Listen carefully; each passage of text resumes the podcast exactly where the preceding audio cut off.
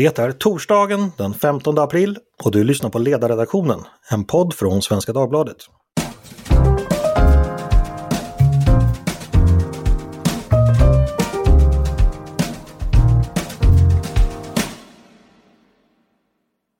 Varmt välkomna till Ledarredaktionen. Jag heter Andreas Eriksson. Ämnet för dagens podd är förstås vårbudgeten som presenteras idag. Vi ska prata om den och om det ekonomiska läget i allmänhet med två kloka gäster. Nämligen Jakob Lundberg som är chefsekonom på den marknadsliberala tankesmedjan Timbro. Välkommen Jakob! Stort tack Andreas! Och Torbjörn Hollö som är ekonom på LO. Välkommen du också! Tackar så mycket! Nu är alltså budgeten, eh, eller vårändringsbudgeten presenterad. Innehöll den några överraskningar tycker ni? Vad säger du Torbjörn? Eh, nej, det gjorde den inte. Det var det var en lite blandning av känt och okänt men det mesta var känt och framförallt var ju de, de stora volymerna kända. Eh, och de, de, stora volymerna är ju eh, förlängning av krisåtgärder och eh, insatser för sjuka och eh, vaccineringspengar. Och det är bra saker, ganska okontroversiellt tror jag också. Ja. Mm. Jakob, blev du överraskad av någonting? Nej, som Torbjörn säger, och i vanlig ordning har man ju kommunicerat det mesta innan för att få mesta möjliga medieuppmärksamhet. Eh, plus att man har ju lagt en massa extra ändringsbudgetar sedan tidigare också då med, med olika satsningar. Så att eh, just det som är i den här propositionen var ju inte något nytt vad jag kunde se. Eh, det har jag också tänkt på det där med alla extra budgetar. Det kom ju inte mindre än tio stycken extra ändringsbudgetar förra året och jag tror vi har hunnit med sex stycken redan under 2021. Eh, vilket naturligtvis beror på pandemin och att regeringen behöver vidta nya åtgärder för att eh, bemöta de utmaningarna som den för med sig. Men jag tänkte, med alla dessa ständiga förändringar i budgeten och nya satsningar och så här, finns det risk för att, eh, så att budgeten blir ett väldigt levande dokument? Finns det någon risk för att vi helt enkelt inte riktigt hänger med hur den ekonomiska politiken ser ut. Eller jag förstår att ni två gör det, men jag tänker på, på att all väljare kanske, eller också media, helt enkelt tappar bort sig lite. Mm. Alltså, jag tror att alltså, det, del, i delar speglar det att vi har en kris som man hela tiden måste liksom, i någon mening justera, justera innehållet och anpassa efter verkligheten, hur den förändrar sig, smittan förändrar sig och så vidare.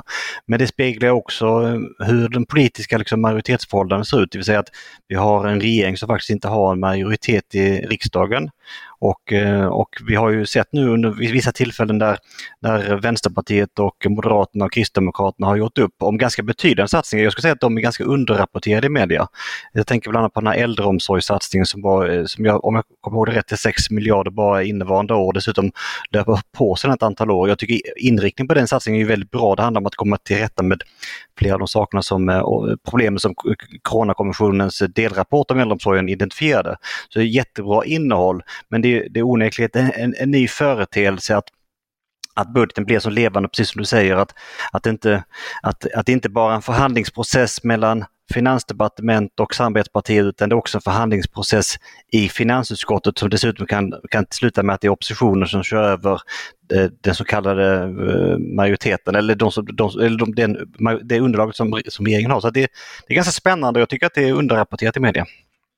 Kan man tänka sig att det här kanske blir så småningom det nya vanliga? Att budgeten blir mer någonting som, som kompletteras löpande under året? Vad tror du om det, Jakob? Man får ju hoppas att det inte blir så, att det återgår till, till den normala processen. Och jag håller med Torbjörn, jag är också oroad över det här. Jag tror att det gick igenom i riksdagen bara för någon vecka sedan, men jag kunde inte läsa någonting om det i, i media nästan. Att eh, Moderaterna, Kristdemokraterna och Vänsterpartiet la ett utskott från riksdagen om att öka utgifterna helt ofinansierat. Eh, och det tror jag är en, en väldigt oroande utveckling om man precis går ifrån det, det finanspolitiska ramverket och öppnar upp för hoppande majoriteter som man säger. Eh, för det är klart att det är väldigt lätt att på olika sätt hitta majoritet i riksdagen för att spendera mer på, på det ena eller det andra. Eh, men då är det risk att man får någon sorts amerikansk situation med pork barrel spending i värsta fall. Eh, eller den situation som var i Sverige på 80-talet före man hade den här sammanhållna budgetprocessen. Så att det är väldigt tydligt att, eh, väldigt viktigt att alla eh, aktörer, LO, Timbro med flera säger nu att det här eh, det var, det var ett undantag. Nu har vi gjort ett avsteg från, från det här eh, finanspolitiska ramverket och efter, efter pandemin, då måste vi gå tillbaka till, till hur det var tidigare och ha en väldigt tydlig ordnad budgetprocess. Torbjörn, är du lika oroad? Alltså jag tycker det är viktigt med en, eh, ett regelverk. Eh, däremot så, så, tror jag att man måste regelverken anpassas efter vilken tid, eh, vilken tid vi lever i. Och det som det som är den stora skillnaden nu jämfört med när regelverket utformades på 90-talet så hade vi en situation, vi hade liksom en tre eller fyra borgerliga partier som, ett sam, som, sam, som, som samlade majoritet eller, eller var opposition och sen hade vi socialdemokratin som med stöd av då, eh, med andra partier kunde samla eh, majoritet. Så ser det inte ut längre. Alltså det finns ingenting som tyder på att vi, vi, kommer, vi har många partier i riksdagen, vi har inga dominerande partier som, som socialdemokratin var tidigare. Vilket gör att jag tror att, att mycket mer politik måste utformas i riksdagsutskotten. Alltså någonstans in, in, jag skulle säga att det är lite återgång till 1920-talet. Alltså att, att man liksom inte Alltså, man, alltså, av, alltså partierna är inte tillräckligt starka för att bilda majoritetsstyre.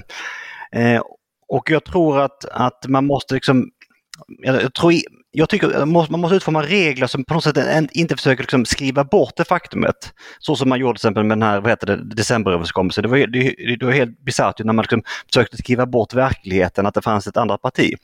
Eh, så ska man inte göra. Men däremot så måste man ha regler som hanterar det, eh, alltså det faktum att, att, att det ser, ser annorlunda ut. Och, att, och jag, jag tänker bland annat att att man måste starta upp eh, riksdags, eh, riksdagen bättre. Alltså man måste, alltså, det är jätteduktigt folk som jobbar i, i, i de här utskotten men de är ju, men det, de är, det är liksom en, liksom en, en bråkdel av antal personer jämfört med de som jobbar på i departementen.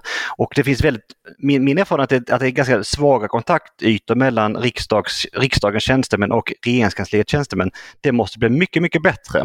Så att jag tror man måste förändra saker och ting eh, och anpassa sig så att man har ett regelverk som även fungerar för denna tiden. Men förstår jag det rätt? Eh, Jakob uttryckte en viss oro här för den här utvecklingen att vi riskerar att få en överbudspolitik. Och så Du delar inte riktigt den oron utan ser snarare att det är så här verkligheten är och då måste regelverket anpassa sig till det. Nej men, nej, men jag, tycker att, alltså jag, jag tycker att man ska ha ett, ett sammanhållet regelverk, att man ska ha en sammanhållen budgetprocess. Men jag tror att det är en, att en illusion att tro att, man kan liksom, att det kan fungera på samma sätt i en tid när vi inte har regeringar som, kan, som realistiskt kommer bygga på en majoritetsunderlag i riksdagen. Då, måste, då, då tror jag att det kommer vara så att att, eh, att politik utformas i större utsträckning i riksdagsutskotten och då måste man ha eh, både personella resurser men också regelverk som anpassar efter detta. Jakob, vad säger du? Torbjörn talar om en delvis ny tid som har så att säga, sprungit ifrån existerande ramverk. Köper du den bilden och, och tror du att hans, de åtgärder han nämner, eh, skulle de underlätta med, med, med mer och bättre personal och så vidare? Ja, det tror jag absolut, men det, det kanske är lite tidigt att säga att eh, jag tror att det underlättar med mer personal, men det är nog lite tidigt att säga att, man, man eh, att vi alldeles har gått in i en, en ny paradigm här. Men, eh, och I så fall då måste man utforma regelverket så att det inte kan, man inte kan försvaga budgeten med hoppande majoriteter. Och som jag förstått det så var det så man tolkade regelverket tidigare. Det har ju luckrats upp gradvis. Det började ju med att Socialdemokraterna och Sverigedemokraterna gick ihop med att höja den statliga inkomstskatten 2013 tror jag att det var. Eh, men nu har då oppositionen gått ihop om att faktiskt försvaga budgeten. Eh, och då får man ha ett tydligt regelverk som säger att men har man om man vill öka utgifterna då får man dra ner någon annanstans. Eller om man vill förstärka budgeten, det, det är som inga problem om riksdagen förstärker budgeten. Men om man har olika majoriteter som ökar utgifterna helt ofinansierat, då är det en väldigt oroande utveckling. Vad säger du om det Torbjörn, att eh, vissa majoriteter så att säga ökar bara utgifterna och vissa majoriteter påverkar inkomster och det finns ingen samsyn mellan dem. Finns det inte ett problem där då? Jo, jo men alltså, jag inser att det, det jag säger kanske är lätt att missförstå och misstolka. Alltså, alltså, jag företräder uppfattningen att man ska ha ett, ett, ett, ett välfungerande regelverk som gör att man har sammanhållna budgetprocesser. Jag tror bara att, att det kan inte bygga på att, att det utformas ett papper i, finans, i Finansdepartementet och sedan blir det per definition automatiskt det som riksdagen ställer sig bakom. Det kommer inte bli så. Det är inte så därför att det, det, det ser inte ut så i riksdagen. Alltså man, kan inte, man måste anpassa sig efter detta. Jag, jag, alltså, alltså när det var ju, jag ska faktiskt, egentligen så, så, så kapsejsade, eller började det här systemet kapsejsa redan hösten 2010. Eh, och då var jag faktiskt med på ett litet hörn, så att jag ska, kan, kan jag avslöja detta nu. Eh, för att jag, det var ju en av mina sista budgetinsatser för S-oppositionen då. Och då hade vi lagt in en besparingsåtgärd på regeringskansliet, En sån typisk sak som man gör när man sitter i opposition bara för att liksom tramsa sig, eller, eller tramsa sig, men, alltså, men, men det, det, är lätt att sitta i opposition och kräva att regeringskansliet ska spara pengar. Liksom. Och det var bara det att det, det låg i det rödgröna eh, budgetalternativet. Och så kom Sverigedemokraterna in och de ställde sig bakom detta. Och jag kommer ihåg Anders Borg, han var så berättade, han, han, han, han, han berättade för alla journalister att Nej, men det här kommer aldrig gå igenom utifrån det regelverket. Så då, då, då var dåvarande Ingvar Mattsson, som numera är riksdagsdirektör, han var då finansutskottets ort, eh, kanslichef, fick då förklara för Anders Borg och Finansdepartementets tjänstemän att han hade fel, han hade missförstått hur budgetreglerna ser ut. Och, och, och bara, bara som en illustration av att, att alltså regeringskansliet opererade väldigt, väldigt länge, alltså helt, liksom, helt frånkopplat för riksdagen och man var helt övertygad om att det man gör i, regeringskansliet, det, det, man skriver på präntar, det, det kommer automatiskt liksom, bli, liksom, slussas igenom i riksdagen. Så, så har, nu har vi gång på gång, alltså i, i 11 års tid varit med om att, att så är inte fallet. Men nu, och nu har vi kommit till en situation där vi har väldigt, väldigt precis som, eh, alltså, som vi pratat om, väldigt omfattande, till exempel en äldreomsatsning. Det, det, det är ju en väldigt stor satsning. Så nu gjord enkom i riksdagens utskott. Mm. Eh, jag tänkte vi skulle gå vidare lite just kring det här, eh, de regler som finns och det som brukar kallas det finanspolitiska ramverket där man ibland, eh, som ju tillkom på 1990-talet efter att staten drabbades av stora underskott. Nu finns det ju regler om att det ska finnas dels den här budgetdisciplinen vi pratar om men också att vi ska ha ett offentligt sparande över en konjunkturcykel. Det vill säga att vi ska helt enkelt eh, gå på plus eh, över tid. Eh, tror ni att det regelverket, är det på gång att utmanas och är det i så fall bra eller dåligt? Vad säger du Jakob?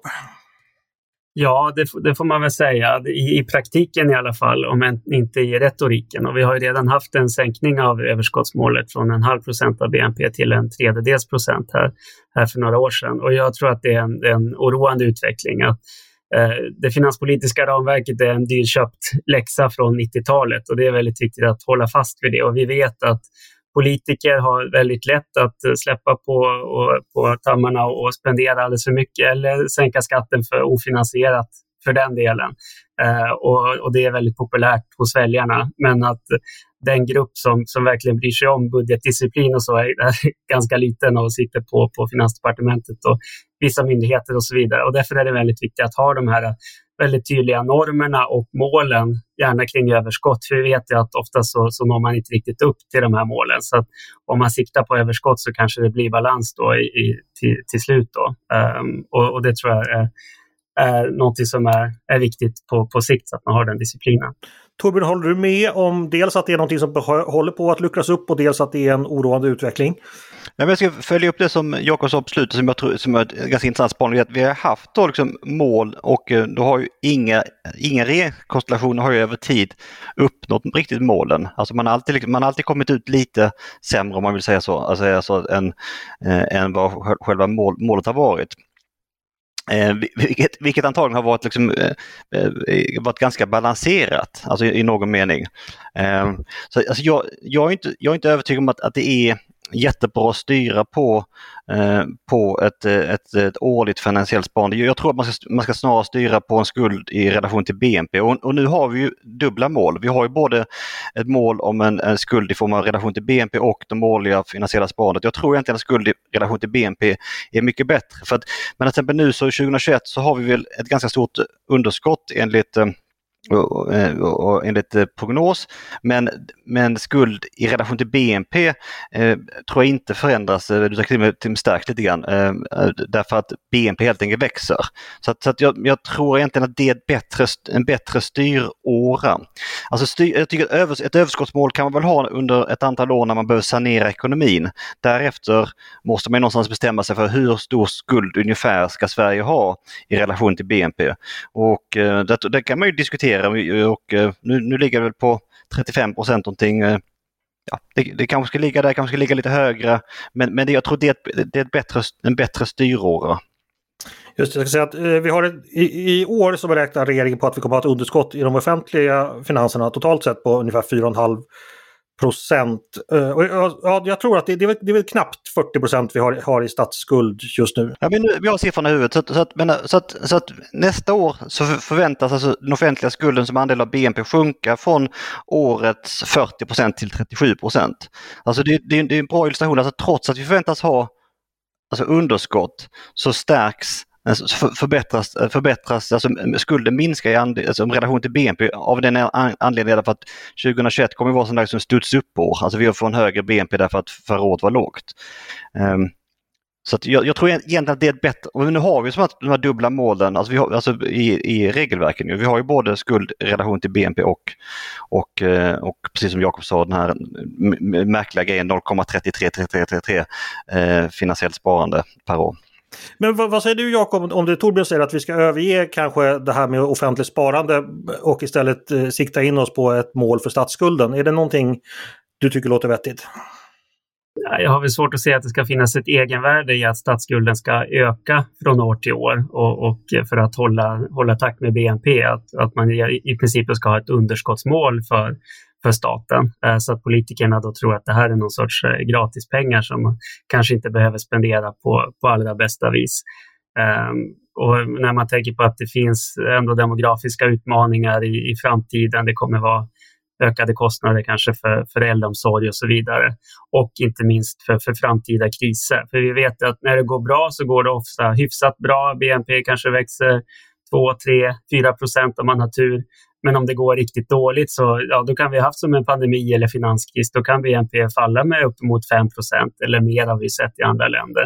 Så att därför är det viktigt att just spara i ladorna för att man vet aldrig hur, hur illa det kan gå. Det går ofta illa på nya sätt och sätt som man inte har förutsett heller ska gå vidare med det där just att det kan gå illa. Eh, ungefär för ett år sedan så kom det ju, när pandemin var ganska ny, så kom det ju väldigt röda siffror eller röda prognoser för Sverige. Eh, de har ju kanske inte riktigt infriats nu kan vi konstatera ett år senare. Hur lättade är ni över ekonomin just nu? Eller är det kanske inte så mycket anledning att vara lättad? Vad säger du Jakob? Ja, och jag tycker det är också en sån här grej som inte har rapporterats eh, så, så mycket som man kanske hade kunnat eh, önska eller tro. Att, ja, man kan, kanske var så att svensk ekonomi och svenskt näringsliv var mer robust än vad man hade trott från början. Um, sen så var det ju tur också att man fick igång världshandeln och sådär. Det var ju problem förra våren med lastbilar som köade vid, vid gränserna och så vidare och exportförbud hit och dit. Men, men eh, det har i alla fall kommit igång igen när det gäller eh, export av varor. Sen får vi hoppas att man kan fortsätta börja resa igen. Mm. Um, så att... Um, ja. Torbjörn, vad, vad säger du? Eh, vi har fått ganska mycket, ganska goda indikatorer från svensk ekonomi nu i alla fall under första kvartalet. Eh, hur, hur, hur, bra är läget? Eller ska vi, finns det risk att vi är för optimistiska? Ja, men jag tror att vi har lite tur Sverige. Vi har, ehm, vi har en industristruktur som, eh, som eh, har varit överraskande gynnsamt för eh, den här pandemin. Och det, så, såg det, så såg det inte ut riktigt i våras ju, för då, då var det ju tvärtom att då fick, då var det många, då fick ju Volvo och Scania, många av dem stängde ju ner liksom, för de fick, precis som Jakob beskriver, de här leveransproblemen och, och det var väldigt osäkert hur mycket man skulle sälja. Men det där var en ganska kort historia. Och man, man kom snabbt igång och nu så går ju industrin har ju väldigt bra eh, konjunktur för tillfället, svensk industri. Man, man har ju väldigt stor optimism. Eh, så att vi har haft lite tur med vår struktur. De länder som har problem, det är de länderna som är väldigt beroende av kontaktnära eh, branscher, framförallt kontaktnära branscher som handlar om att träffa eh, människor från andra länder, det vill säga turism. Eh, och det märker vi också i Sverige att, att eh, de, de turist Eh, delar i Sverige som går dåligt är framförallt Stockholmsområdet eh, eh, och det är för att i Stockholm så kommer det många utländska turister. De utländska turisterna är ju ganska borta. Så, att, så, att, så, så, när jag tittar på andra länder så verkar det också vara så att man är väldigt mycket i händerna på vilken typ av näringslivsstruktur man har. Sen kan man ju ha hanterat den här pandemin bättre eller sämre också som enskilt land och det bidrar också förstås. Men just nu så är det det som är den drivande faktorn som jag, som jag läser det. Jag satt och tittade på en jämförelse mellan eh, budgeten som lades i höstas och eh, eh, budgeten så som den ser ut nu efter VÅP och diverse ändringsbudgetar. Och det är ungefär 120 miljarder mer i ökade utgifter som har tillkommit varav den absoluta majoriteten där hamnade under utgiftsområdet näringsliv och det handlar ju då om företagsstöd och så vidare. Jakob, vad säger du som representant för Stiftelsen Fritt Näringsliv? Hur har regeringens stöd till näringslivet fungerat? Är du nöjd med den eller kunde man gjort mer? Eller mindre kanske?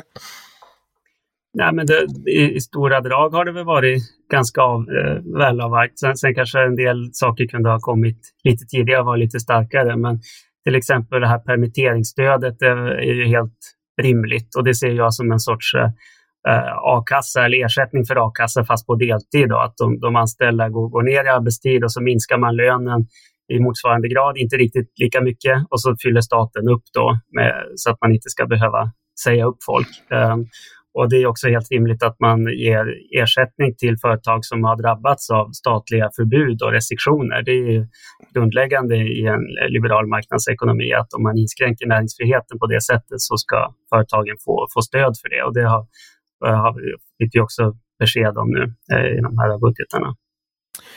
Eh, jag tänkte ett viktigt samtalsämne inom bland ekonomer det handlar ju om eh, det statliga stödet. När staten ska gå in och, och, hjälpa marknaden och hjälpa näringslivet så ska det ju helst komma göras på rätt sätt.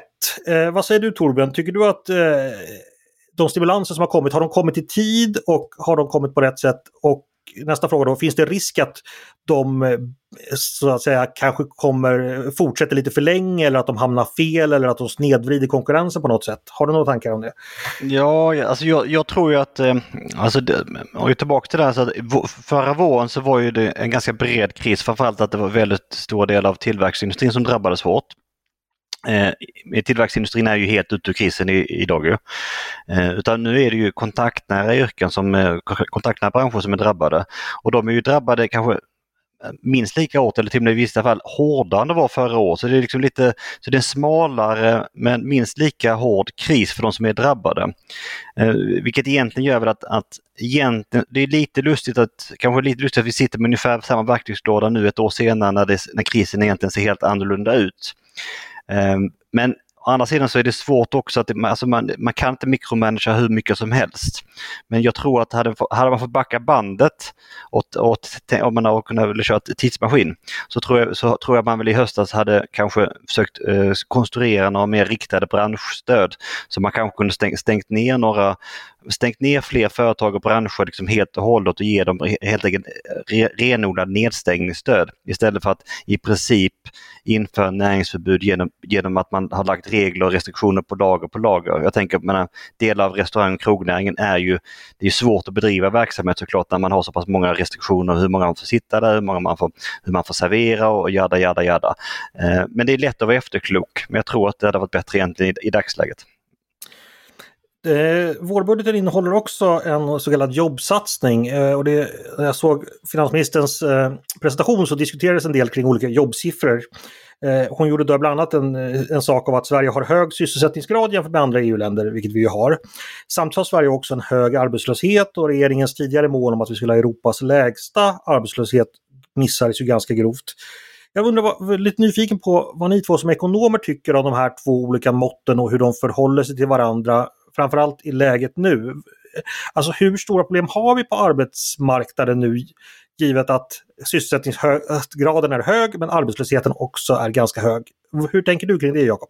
Man kan väl förvänta sig att Sverige ska ha en relativt hög sysselsättningsgrad jämfört med många andra europeiska länder av kulturella skäl, att det är lite mer av en luthersk arbetslinje här kanske och, och att det, det är väldigt mycket fokus i Sverige på att framförallt kvinnor ska arbeta då genom barnomsorg och så vidare, så den typen av system. Eh, så det, det kanske inte är den bästa jämförelsen att konstatera att Sverige ändå ligger i, i övre halvan där och har, har gjort eh, under lång tid. Men sen ser vi såklart att det finns stora utmaningar i vissa grupper. De som saknar gymnasieexamen, eh, invandrare till exempel, eh, och där vi har den, den högsta arbetslösheten också. Eh, så att det, det, är där man helt enkelt måste sätta in eh, åtgärderna och då, då är det ju eh, de kända problemen med trösklar in på arbetsmarknaden, höga ingångslöner, eh, bidragssystem där det är ingen eller liten skillnad från att gå från bidrag in till jobb. Och det är ju så att säga strukturella problem som, som man måste eh, fortsätta jobba med. Men vänder mig till dig Torbjörn med frågan hur problematisk är den arbetslöshet vi har idag? Och eh, har du några andra tankar om de recepten? Jag misstänker att du inte tycker precis som Jakob när det gäller, gäller det. Alltså det är, det är naturligtvis jätteproblematiskt att vi har så pass hög arbetslöshet. Vi har ju ungefär 450 000 som är inskrivna på Arbetsförmedlingen och eh, snart är ju 200 000 av dem eh, har, har varit där i över ett år inskrivna. Så det är ju en det är historiskt höga siffror. Man, får, man, får, man, måste faktiskt gå tillbaka till 1997 för att hitta en marsmånad där arbetslösheten var lika hög som den är då, var mars i år. Eh, mätt i antal inskrivna på Arbetsförmedlingen åtminstone. Och eh, jag tror att den här siffran på långtidsarbetslösheten också är också en historiskt hög siffra. Det är en mycket allvarlig situation och man måste ta det på stort allvar. Eh, samtidigt är det också sant att vi har en hög sysselsättning och det ska vi också vara stolta. Det är, det är en, det är en illustration av att mycket fungerar väldigt väl i Sverige, att vi har en hög sysselsättning. Det handlar både om välfungerande lönebildning, välfungerande välfärdssystem, välfungerande utbildningssystem. Eh, men alltså med saker, flera saker, jag menar, många saker kan vara sanna samtidigt så att jag tror att det ska vi vara stolta över och vårda men samtidigt måste vi också se att vi har en betydande grupp som har väldigt svårt att komma in. Och det handlar väldigt mycket om, om kortutbildade utrikesfödda jag, och jag tror egentligen inte folk förstår hur kortutbildade många av de här är. Alltså 80 000 av de här personerna alltså arbetslösa på Arbetsförmedlingen är alltså personer som inte som är registrerade med att ha mindre än grundskoleutbildning. Alltså mindre än grundskola, alltså inte gymnasiet utan mindre än grundskola. Så vi pratar om alltså väldigt lågutbildade personer. Och eh, min uppfattning är egentligen att de är på fel plats. Alltså, eh, alltså det är helt orealistiskt att tro att man som analfabet eller person som inte, som inte når upp till grundskolenivå i Sverige som är ett av världens mest högproduktiva teknikorienterade länder, men vi, liksom, vi älskar teknik. Finns det möjlighet att, alltså, att bespara arbetskraft genom att införa någon teknik oavsett om det är går i affären och klicka när vi köper eller men vi, ni vet, vad, vad, vad, om det handlar om appar eller vad som helst, så inför vi det. Vi älskar det. Alltså det, det, det, liksom, det ligger liksom närmast i vår DNA att försöka vara arbetsbesparande och att, ta bort liksom väldigt enkla eh, servicetjänster. Och då, och då tror att man på ett enkelt sätt ska kunna få in de här personerna på arbetsmarknaden. Jag tror, tror det är orealistiskt. Man, man, man måste hitta man måste liksom inse att de här personerna måste upp i utbildningsnivå. De måste det. Jakob, har du något svar på det? Ja, jag, jag tror inte riktigt på det. Alltså om, man, om man tittar på forskningen så visar det väldigt tydligt på det, det är tidigt i livet som man lägger grunden för hur det kommer gå sen. Att det, det är viktigt med, med förskola och så vidare. Och, eh, kommer man till Sverige eh, i, i vuxen ålder så kommer det vara väldigt svårt att utbilda upp de personerna till, till någon högre utbildningsnivå. Vi har väl inte sett några fantastiska resultat av de satsningar som har gjorts hittills. Eh, och jag tror tvärt emot Torbjörn att det, det, går absolut att få in de här eh, personerna i jobb. Det kanske inte är gamla sortens jobb där man stod och, och hjälpte folk och tankar, men vi ser att det, det, det finns Fodora och vi har utsektorn och eh, man kan tänka sig inom eh, jordbruk, skogsbruk där det handlar om manuell hantering. Eh, men det är klart att har man ett väldigt eh, väldigt höga ingångslöner som ju har ökat också de senaste decennierna, då, då finns det ju heller inget intresse av att hitta och, och, behålla den typen av jobb, utan det är klart att då ersätter man med självtjäningskassor och sådär. Eh, men om företagen skulle få en signal och veta att på, på lång sikt så finns det möjlighet att eh, anställa personer till en lägre kostnad, eh, att det är klart att då skulle man hitta möjlighet att, att anställa dem också. Företagen vill ju tjäna pengar. Sen kan man diskutera då vad, om staten ska gå in med ett stöd här för att sänka anställningskostnaderna och, eller något riktat bidrag till de här personerna. Det finns olika lösningar med etableringsjobb och så vidare. Det känns som det här nästan är ett ämne i sig. Eh, jag tror vi, vi, vi vår tid håller på att hoppa ur. Jag får, jag får bjuda in er igen och prata ja. om det här. För ja, ja, för, för, ja, ja, måste Torbjörn, har du någonting att ja, ja, så, så kort måste jag ändå säga. Alltså, RUT-jobben är ju, vi, har, vi kan ju nu visa att RUT-jobben leder ju inte till att arbetslösa i Sverige får jobb, utan det leder till att personer från, att vi får arbetskraftsinvandring från östra Europa till Sverige. Alltså jag tror att alltså den typen av idé att man kan kvasimarknad med skattesubventioner skapar förvisso jobb, men det skapar inte jobb för de som är arbetslösa i Sverige. Så det, liksom, det träffar fel grupper. Just därför är ingångslönerna ett bättre instrument, riktade skattesänkningar. Som sagt, ni får varmt välkomna på en ny podd om detta. Jag tycker det låter som ett spännande ämne. Eh, vår tid håller på att ta slut. Jag tänkte bara avslutningsvis fråga er hur ni ser på fortsättningen nu. Vad blir viktigt för finansministern och regeringen eh, framöver här nu när pandemin förhoppningsvis eh, börjar klinga av i takt med vaccinationer och så vidare? Vad, vad, vad eh, skulle ni helst se att man prioriterar? Torbjörn? Ja, men då skulle jag säga, komma tillbaka till några av de saker vi pratat om och det är två saker som jag, som jag skulle säga. Det, en, det, det ena är att jag eh, mer insatser för de här kortutbildade, framförallt utrikesfödda personerna. Eh, mycket, mycket mer prioriterade, eh, mycket mer liksom resurser, eh, så att det verkligen kvalificerade utbildningar till de här personerna. Eh, och det är det ena. Eh, och det andra är ett, liksom, någon typ av, alltså, kloka investeringar som underlättar företagens investeringar. Jag tänker på det pågår jättemycket spännande saker i norra Sverige till exempel med grön stål och liknande. Men det, där, det förutsätter också ganska stora offentliga investeringar för att de, de här privata investeringarna ska, ska kunna komma till stånd. Så där måste man hitta en bra, en bra samverkan mellan stat och eh, det offentliga så att, så att vi får upp investeringarna. Jakob, samma fråga till dig. Vad tycker du att regeringen ska eh, prioritera framöver? Ja, för det första är det viktigt att man håller i plånboken och inte ser det här som någon carte blanche att fortsätta spendera. Att man tyckte det var roligt att ha spenderbyxorna på under pandemin och så fortsätter man att slänga ut till höger och vänster till höghastighetståg eller andra ineffektiva satsningar. Utan nu, nu är det utgiftsdisciplin som gäller. Det är det ena. Eh, och det andra är ju skattesidan, att man levererar på den här skattereformen som står inskriven i januariöverenskommelsen så att det blir mer lönsamt att investera om man får ner marginalskatterna, sänker bolagsskatten till exempel för att locka företag att investera i Sverige. Den typen av satsningar för långsiktig tillväxt tror jag är väldigt viktigt. Jag hör en viss dissonans mellan era svar. Eh, det får bli ämne för ytterligare poddar framöver. Stort tack hörni för att ni var med. Tack Torbjörn! Tack så mycket! Och tack du Jakob också! Stort tack! Och tack till er lyssnare. Eh, ni har lyssnat på Ledarredaktionen som är en podd från Svenska Dagbladet. Varmt välkomna att höra av er till redaktionen med tankar och synpunkter på det vi precis har diskuterat. Eller om ni har idéer och förslag på saker vi borde ta upp i framtiden. Mejla då till ledarsidan snabela svd.se. Dagens producent har varit Jesper Sandström. Själv heter jag Andreas Eriksson. Jag hoppas att vi hörs igen snart.